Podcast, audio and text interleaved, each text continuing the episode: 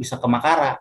Padahal dulu saya positif nggak nggak ke mana-mana. Nah pertanyaannya adalah sebenarnya orang yang itu lapor nggak sih sama puskesmas? Udah ke bawah tiba-tiba gue dikasih tagihan, set tanda tangan. Oh itu lumayan tuh tagihannya.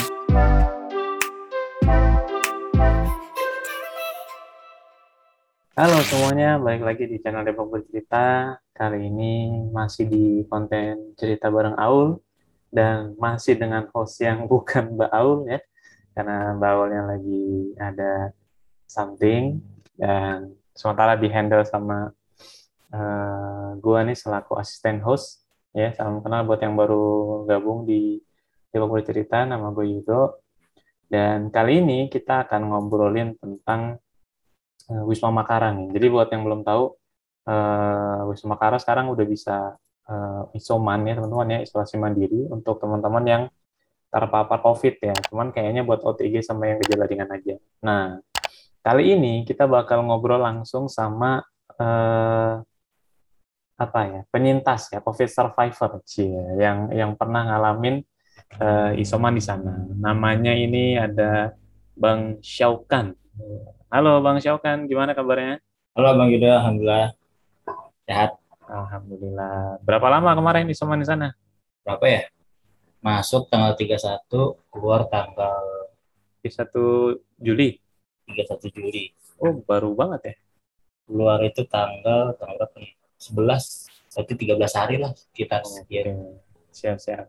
Jadi nggak nggak extend ya karena teman-teman gue tuh ada tuh yang sampai sebulan ya kayak kayak ini aja eh, nambah-nambah terus gitu kayak ppkm. Oh. nggak nggak kalau kalau kalau gue extendnya cuma sekali sih. Oh gitu. Ya karena kan kalau di sana cuma 10 hari sih, 10 hari terus itu karena masih batuk. Sekarang juga masih batuk sih, cuma nggak terlalu parah. Kemarin masih parah banget, jadi extend tiga hari. Extend tiga hari doang. Siap siap. Gimana pengalaman isoman di sana? Syokan, seru gak? Ada Nah, hiburan asik. apa di sana? Hiburannya apa ya? Mungkin karena waktu itu lagi Olimpiade, jadi nontonin Olimpiade aja kita. Wih. Kan kan kalau ini kan kalau COVID kan harus jaga imun, happy terus, nggak stres. Makanya gue Iya. pikir, wah Wisma Makara kayaknya disediain hiburan nih, makanya Pemkot bikin program gitu. Apa ya hiburannya?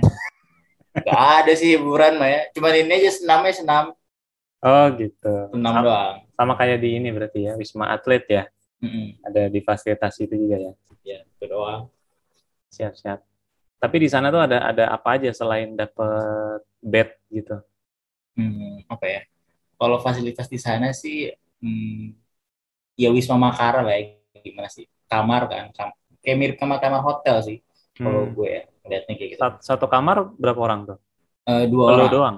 Enggak, gue kebetulan sama satu lagi. Sama ada Pak siapa ya? Adalah pokoknya. Oh di Beliau- diacak ya. Ya diacap. Beliau kebetulan ini polisi. Waduh. jadi jadi diskusinya agak seru tuh. Ngobrolin-ngobrolin segala macem. Oke. Kamar Nah, lu-. Lu kerjaan sebagai apa nih? Kalau boleh Di- tahu. Ini sebagai junior researcher. Oke, junior researcher. Researcher sama polisi ya lumayan lah ya. Lumayan nyambung lah ya. lihatnya. Oke, apalagi berarti fasilitas normal Wisma Makara ya, fasilitas penginapan normal ya yang didapat. Ya, eh, penginapan normal, bed, terus kamar mandi dalam ya. Kan kalau Makara satu kamar mandi dalam. Soalnya kalau ada lagi itu kan baru belum lama ini kan Pepot buka tuh ya. Yang Makara 2 itu kan nambah 400 bed kalau nggak salah. Makara dua tuh di mana tuh? Di belakangnya, di belakang yang Makara 1. Cuman Oh. kalau itu dapat info kalau nggak salah eh, beda lah, beda. Lebih enakan Makara 1 sebetulnya. Mandi Dan- dalam, AC, Bisa TV. milih nggak tuh kita kalau mau isoman di sana? nggak tahu deh kebetulan kemarin gue direkomendasiin puskesmas langsung ke Makara 1 jadi berangkat sana Oke, siap, siap, siap. Nah, eh, lo kan udah ngalamin ya berapa sekian hari gitu kan di Wisma Makara. Nah, beberapa waktu lalu sempat gue ngecek berita bahwa Wisma Makara ini jadi lokasi isoman terbaik nih sejabar. Hmm. Emang iya sebagus itu pelayanannya? Eh, kalau gue pribadi iya sih. Gue juga baru tahu kalau sebagus sejabar ya kayak gitu. Lihat di Oke Zone apa di Kompas gitu kemarin. jadi memang kita kalau udah di sana nih kita ada medical check up setiap hari. Ada medical check up setiap hari. Itu jam setengah 11 sampai jam 12 kita medical check up dicek saturasi oksigennya terus ditensi terus ditanya ada keluhan apa lagi dikontrol lah itu setiap hari gitu. Cuman uh, kalau yang apa ya kalau yang gue lihat sih kayak nggak semua orang mau check up gitu. Mungkin Kenapa beberapa. Nggak tahu mungkin mager kali ya. Jauh gitu. Karena karena semua terfokusnya oh. tuh di lantai dua. Semua fokus di lantai dua. Jadi pelayanan di sana terpusat di sana. Gitu. Dan dan ya makanannya juga enak sih. Makanannya enak. Walaupun sangat gurih. Sangat gurih. Mungkin karena iya karena orang covid kali ya. Nggak bisa ngerasa jadi di, dipancingnya sama yang gurih-gurih itu. Iya iya. iya. Nah itu pelayanan terpusat di lantai dua. Ya uh, medical check up terus kalau baru datang nih kita kan kalau baru masuk ke sana nih kita ke lantai dua dulu. Dicek uh, surat rekomendasi puskesmasnya terus swabnya gimana terus bawa KTP bawa KK dicek lah. Karena kan sebelumnya kan kita harus ngisi form dulu hmm. form dulu dikasih nanti sama pendamping puskesmas.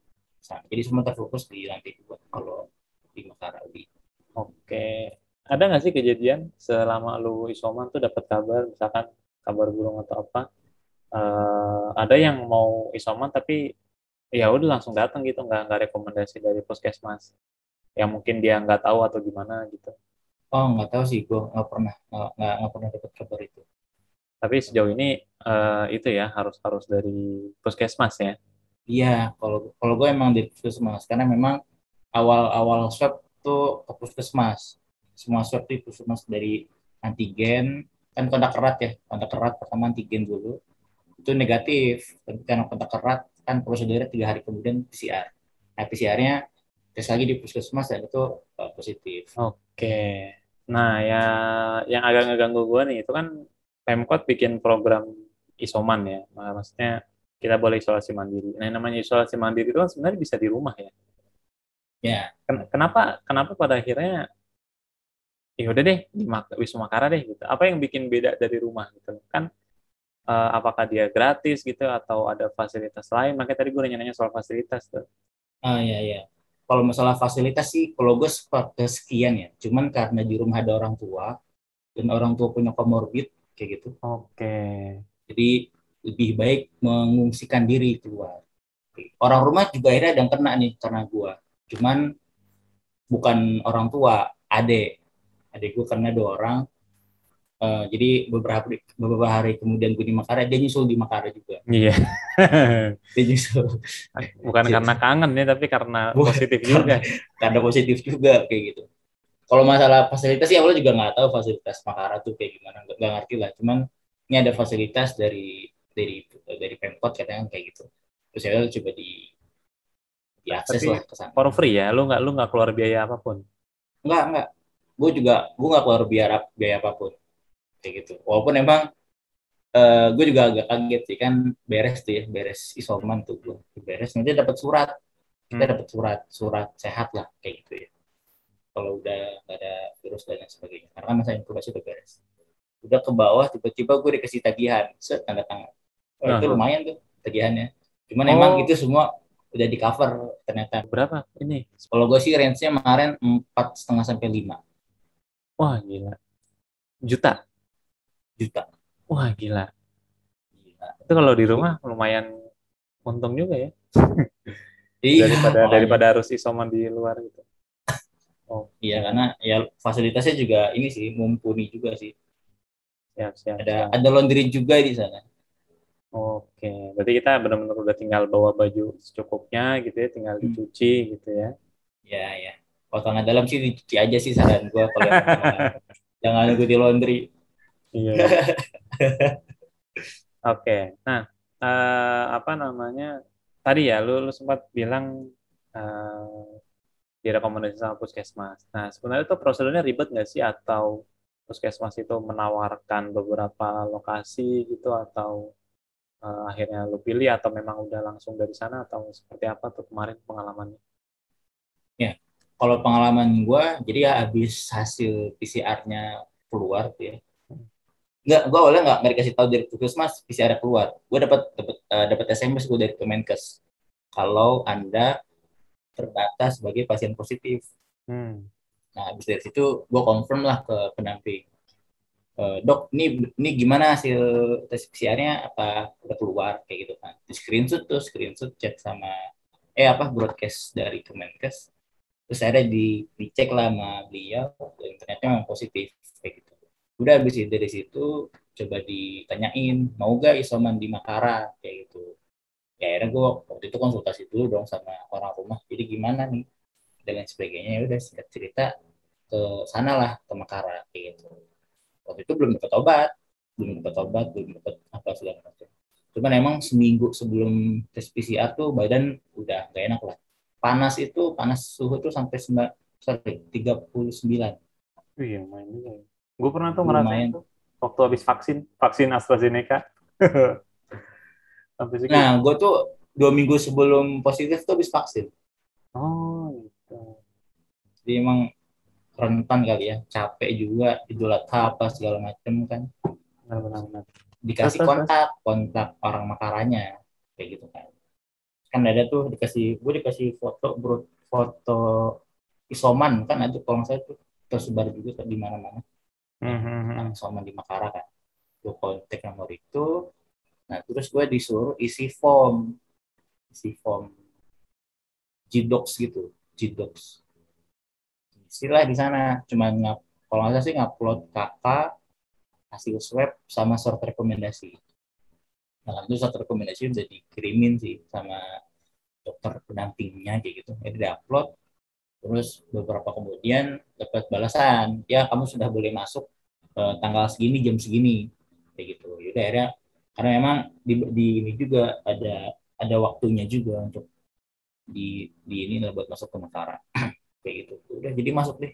Karena nggak terlalu nggak tahu sih kalau gue sih ngerasa nggak nggak ribet sih. Cuma ngambil dipermudah aja gitu ya udah emang ayo emang emang kayak gitu kali ya secara administrasi. Iya iya iya. Gitu, kayak gitu sih. udah gitu isoman enak ya ada yang masakin nih jomblo-jomblo ada yang masakin kan seru ya. Si jomblo nih mohon maaf. Iya iya iya. Nah uh, tadi kan gue sempat mention di awal tuh dari hasil baca-baca di Wisma Makara itu uh, yang OTG sama apa tuh gejala ringan ya. Uh, tapi uh, mungkin nggak sih sekiranya kalau misalkan di Wisma Makara tuh uh, tiba-tiba yang gejala ringan atau jadi gejala berat gitu selama lo kontrol di sana ada dapat cerita begitu nggak? Kalau kalau gue sama di sana sih nggak ada pernah dapat cerita kayak gitu Cuman memang di lantai dua itu ada tabung oksigen tabung oksigen gede gitu yang dia standby kalau ada hmm. apa-apa. Cuman gua nggak pernah dapat cerita kayak gitu sih, jadi nggak tahu juga. Berarti mereka siaga ya untuk untuk buat siaga. ini jaga-jaga ya? Iya, cukup sangat siaga sih kalau yang gue lihat. Karena juga nakes nakesnya juga muter-muter sering tiap lantai ambilin sampah atau nyediain air. Jadi kita kalau pengen minum tuh nggak dikasih apa ya minuman botol yang satu liter gitu hmm. jadi kita tinggal ambil itu doang refill refill refill siap nakesnya cukup banyak berarti ya kan itu Wisma Makara kan gede ya ada berapa kamar tuh cukup banyak sih cuman uh, eh, gue nggak tahu detailnya ada berapa orang tapi ya cukup inilah ya nggak nggak maksudnya kalau lo lagi butuh dianya ada si susternya gitu ya perawatnya gitu. Ah ya, ada ada ada. Kalau kan kan kita juga pas masuk masuk tuh eh sorry pas masuk ke Makara tuh kan kita di asesmen dulu, hmm. dicek lah tadi segala macam. Ya, kita dikasih kontak. Nih kalau ada apa-apa kontak ini aja, nomor ini aja. Kita suruh oh. scan WhatsApp kayak gitu. Jadi mau nanya apa pun ya dibalas sih. Asal jangan nanya rumahnya di mana ya. Gitu. Iya, mau ngapain emang ya? Gitu-gitu cowok kan repot. iya iya iya iya oke okay. nah ini yang paling penting nih lu selama isoman di Wisma Makara tuh ada kesan khusus nggak misalkan uh, let's say misalkan pengalaman unik atau uh, yang nggak enak gitu ya selama di sana atau justru wah ini enak banget nih kalau di sini nih gitu iya yeah, iya yeah. Masa, semasa yeah. selama selama selama sekian belas hari nggak ada yang melekat gitu di memori atau emang udah nganggur doang kerjaannya gitu di kamar Enggak, enggak nganggur doang. Rapat-rapat tuh masih ada. Yes, Cuman kalau di kalau ditanya berkesan, mungkin karena gue berdua kali ya sekarang. Hmm. Sama polisi Jadi tadi. ada ya jadi ada teman ngobrol jadi ada teman ngobrol Eh cuman apa ya kan kalau di sana kan ya bukan buat ngobrol sih bukan buat nongkrong kan buat istirahat kan kayak gitu jadi interaksi orang kamar satu dengan kamar yang lain itu juga jarang sebetulnya Oh kan gitu. kenal iya Kalau kalau Paling gue lihat tahu- di ini Wisma Atlet itu kayak Fatih sama Arafah kemarin itu kan mereka di sana kan.